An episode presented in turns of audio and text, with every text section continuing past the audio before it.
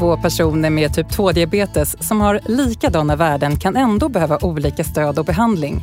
Vad beror det på? Och hur kan du som patient ta reda på om du får den vård som just du mår bra av?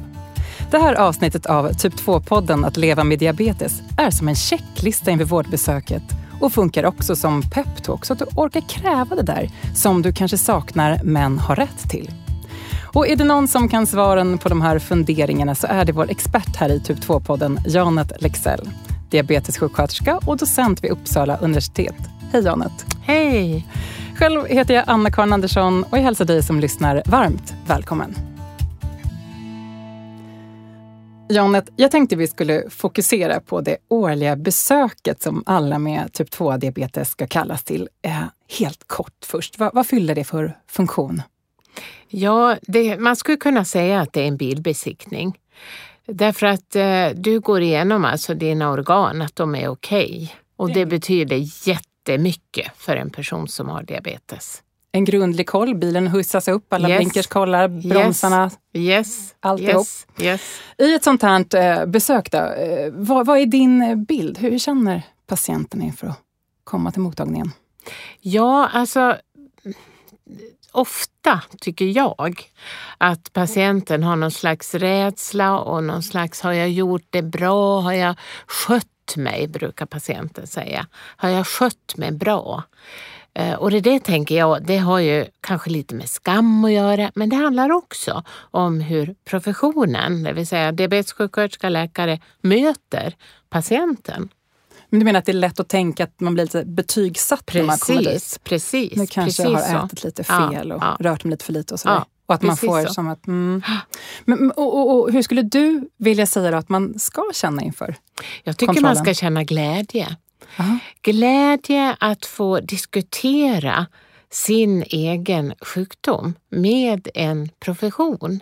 Alltså det ska ju vara glädjefyllt. Och man ska ha massor med frågor och man ska känna att det är jag som äger. Det är ju inte professionen som äger mig. Det är jag som äger min sjukdom och då måste jag ju som patient äga det här besöket. Men kan det, man se det som någonting positivt att faktiskt, om man har typ 2-diabetes så får man i alla fall kolla, komma på den här grundliga kontrollen, att det finns en liten vinst i det? Absolut! Det har du alldeles rätt i. För vi som då inte har diabetes, vi får ju inte den här kontrollen. Absolut, jättebra. Mm. Det vanliga är att man besöker en diabetessjuksköterska på ens vårdcentral eller hälsocentral heter det på sina håll. Vem bär ansvaret för att det verkligen blir en årlig kontroll? Kan jag liksom lita på att jag blir kallad eller måste jag som patient hålla lite koll på att det blir av? Du måste som patient ta reda på vilket system vårdcentralen har. Därför att det här ser olika ut i landet och det ser olika ut i kommuner. Så att vissa har kallelsesystem och andra har det inte. Och det har vi gjort studier på att det har ingen betydelse för patientens utfallsmått så att säga. Så att en patient kan må lika bra i delar där man själv måste boka sin tid på samma sätt som att de blir kallade? Precis så. Mm. Mm. Men det gäller att hålla lite koll på kalendern då så man vet när man var där senast. Så är det. Mm.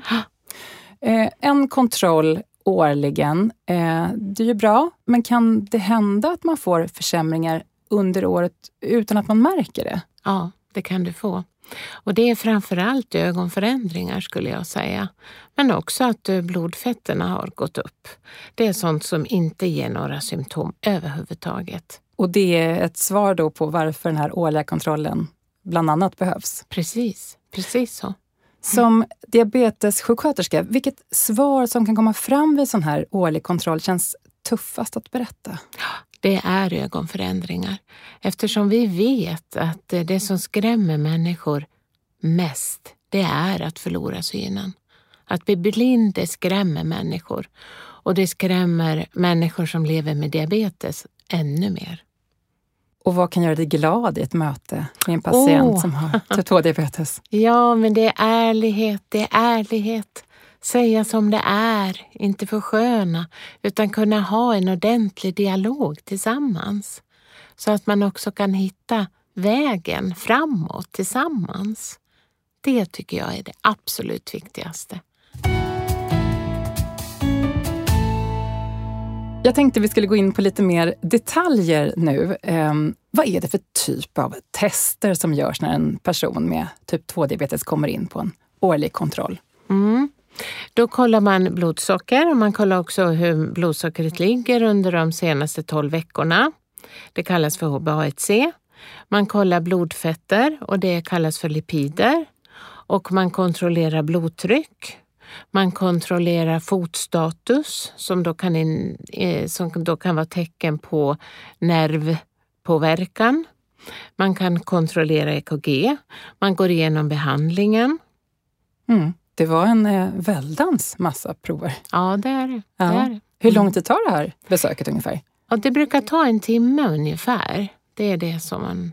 Ja, en Mm. timme. Mm. Men, men kan tidsåtgången ge en fingervisning om kvaliteten på den vård jag får? Så jag liksom kan misstänka att det finns brister eller slarvar som besöket klaras av på för kort tid?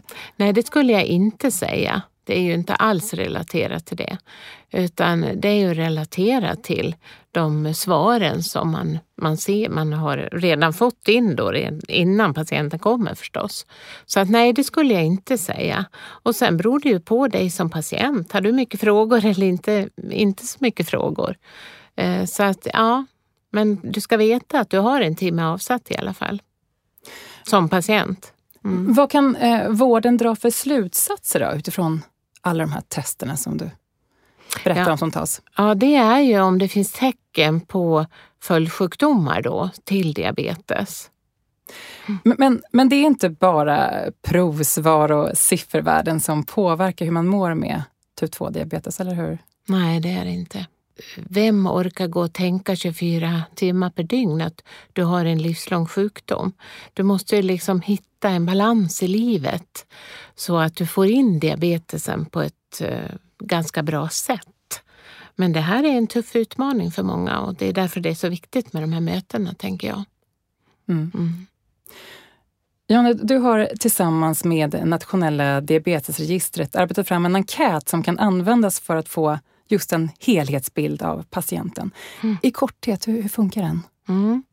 Då är det så att eh, den här enkäten då, den bygger på 33 frågor som är framtagna väldigt gedi, på ett gediget sätt. Och den är också framtagen med den, med den liksom, eh, perspektivet att det är patientens val av ord som används. Och vad Så kan att det vara för typ av frågor? Ja, då? men till exempel att du, du frågar, det det är en fråga som handlar om kost och den, det, det står inte kost utan det står tycker du att du äter på det sättet som är bra för dig?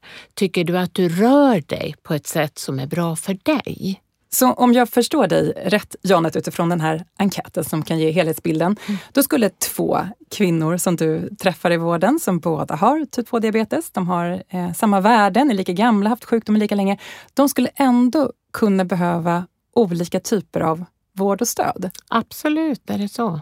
Mm. Mm. Vi säger att den ena heter Anna och den andra Sofia. Vad, vad, vad, Mm. kan, vad kan skilja dem åt? Ja, Anna hon har nyligen förlorat kontinuiteten med sin diabetessjuksköterska som var så viktig för henne. Mm. Och det gjorde att hon tappade liksom tråden till eh, stödet för att hon ska leva ett bra liv. Hon är lite är lämnad den ena. ensam. Hon blev lite Mm. ensam, ja. Precis, precis. Det var bra uttryckt. Och Sofia då? Och Sofia, hon, eh, du vet, hon eh, tänker ofta på sin diabetes.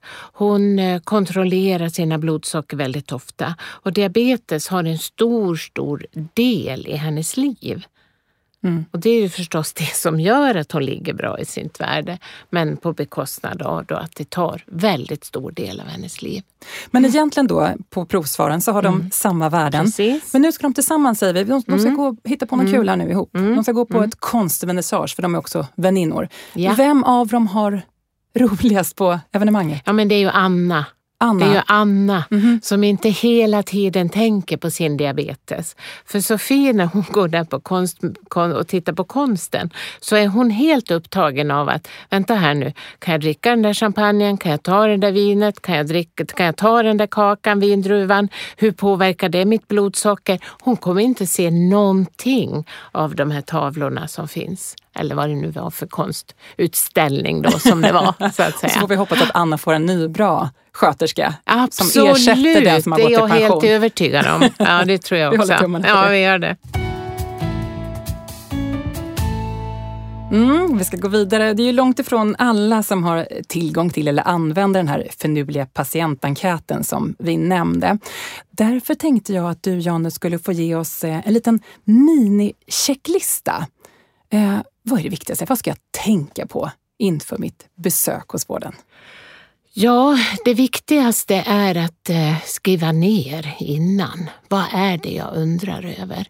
De här värdena som eh, visar sig då i blodproverna, vad betyder de för mig? Vad betyder de? Vad betyder ett HbA1c? Vad betyder att ha höga blodfetter för mig? Och vad kan jag göra åt det? Men också andra funderingar som jag kan ha. Till exempel, eh, hur kan jag på ett bättre sätt få in rutiner? För jag glömmer alltid att ta mina tabletter på morgonen. Eh, det kan vara andra frågor som till exempel eh, hur ser det ut här på vårdcentralen? Kommer jag att ha samma läkarkontakt? Kommer jag att ha samma diabetessjuksköterska eller ska det bytas varenda gång jag kommer? Så att verkligen det som finns i din hjärna, det ska du skriva ner. Hur lång får frågelistan bli tycker du? Som jag skriver ner? Det får ju vara hur långt som helst för att besöket måste ju ändå bygga också på mina funderingar. Det är jag som äger sjukdomen. Det är inte min läkare, det är inte min sjuksköterska. Det är jag som äger min sjukdom och det är jag som har rätt att få den vården. Eh, om jag har eh, på känn som patient att jag saknar något i vården, vad gör jag då? Ja, jag skulle säga att du, ett, ta upp det med din diabetessjuksköterska, absolut. Och två, om du inte får gehör, byt vårdcentral. Det har du rätt till. Bra råd. Nationella eh, diabetesregistret som vi eh, har nämnt har en massa statistik om diabetesvården mm. i Sverige och det registret visar tyvärr att det är ojämlikt. Att vården varierar i kvalitet i landet men också mellan olika mottagningar. Ansvaret ligger såklart inte hos patienten, men vad skulle du Janne säga, hur, om, man, om man inte har lite ork och eh, energi, eh, vad kan man som patient hävda? Finns det stöd i lagen eller ska jag bara hälsa från Janne till Excel? ja, det går bra det, det också. Går bra. Absolut. Jag hörde nu typ två-podden. Nej, men alltså patientlagen, den är ju relativt ny, kom 2015. Alltså den trycker ju på patientens rätt till delaktighet och då måste vi från vården göra, vi måste ju ha verktyg då så att patienten blir delaktig. Så ta med lagboken lite. Absolut, eller läs på absolut, absolut är det så. Mm. Mm. Vi har i det här avsnittet främst pratat om den här årliga kontrollen eller bilbesiktningen som vi jämförde det med. Eh, om man själv upptäcker en försämring, eh, bara nämna det Janet, vad, vad gör man då? Ja, men det är kontakta din, i första hand din diabetessjuksköterska. För de är välutbildade idag och de finns som bra stöd överallt i landet skulle jag säga. Och de är otroligt, det är en otrolig eh, energigivande och härlig professionsgrupp. och, och, och, när finns det skäl att, att eh, boka den här tiden utan att jag ska känna att jag är eh, överdrivet ängslig om det bara är några månader kvar till det här kontrollbesöket? N när, när ska jag av mig? Ja, alltså hellre en gång för mycket än en gång för lite, skulle jag säga. För att eh, det är lätt hänt att eh, eh, blodsockervärdet försvinner högt upp i skyn och eh, du sitter bara på en stol. Alltså det är så lätt att hamna i de här negativa spiralerna. Så att hellre en gång för mycket än en gång för lite. För det är precis det diabetessjuksköterskan är till för. Att stödja och hjälpa dig. Så är det. Och med de orden avrundar vi för den här gången. Stort tack för dina goda råd, Janet Lexell. Tack. Diabetessjuksköterska och docent vid Uppsala universitet. Återstår bara att säga att Typ 2-podden Att leva med diabetes är en produktion från det forskande läkemedelsföretaget Böringer Ingelheim. Och jag som leder podden heter Anna-Karin Andersson. Tack för nu och på återhörande.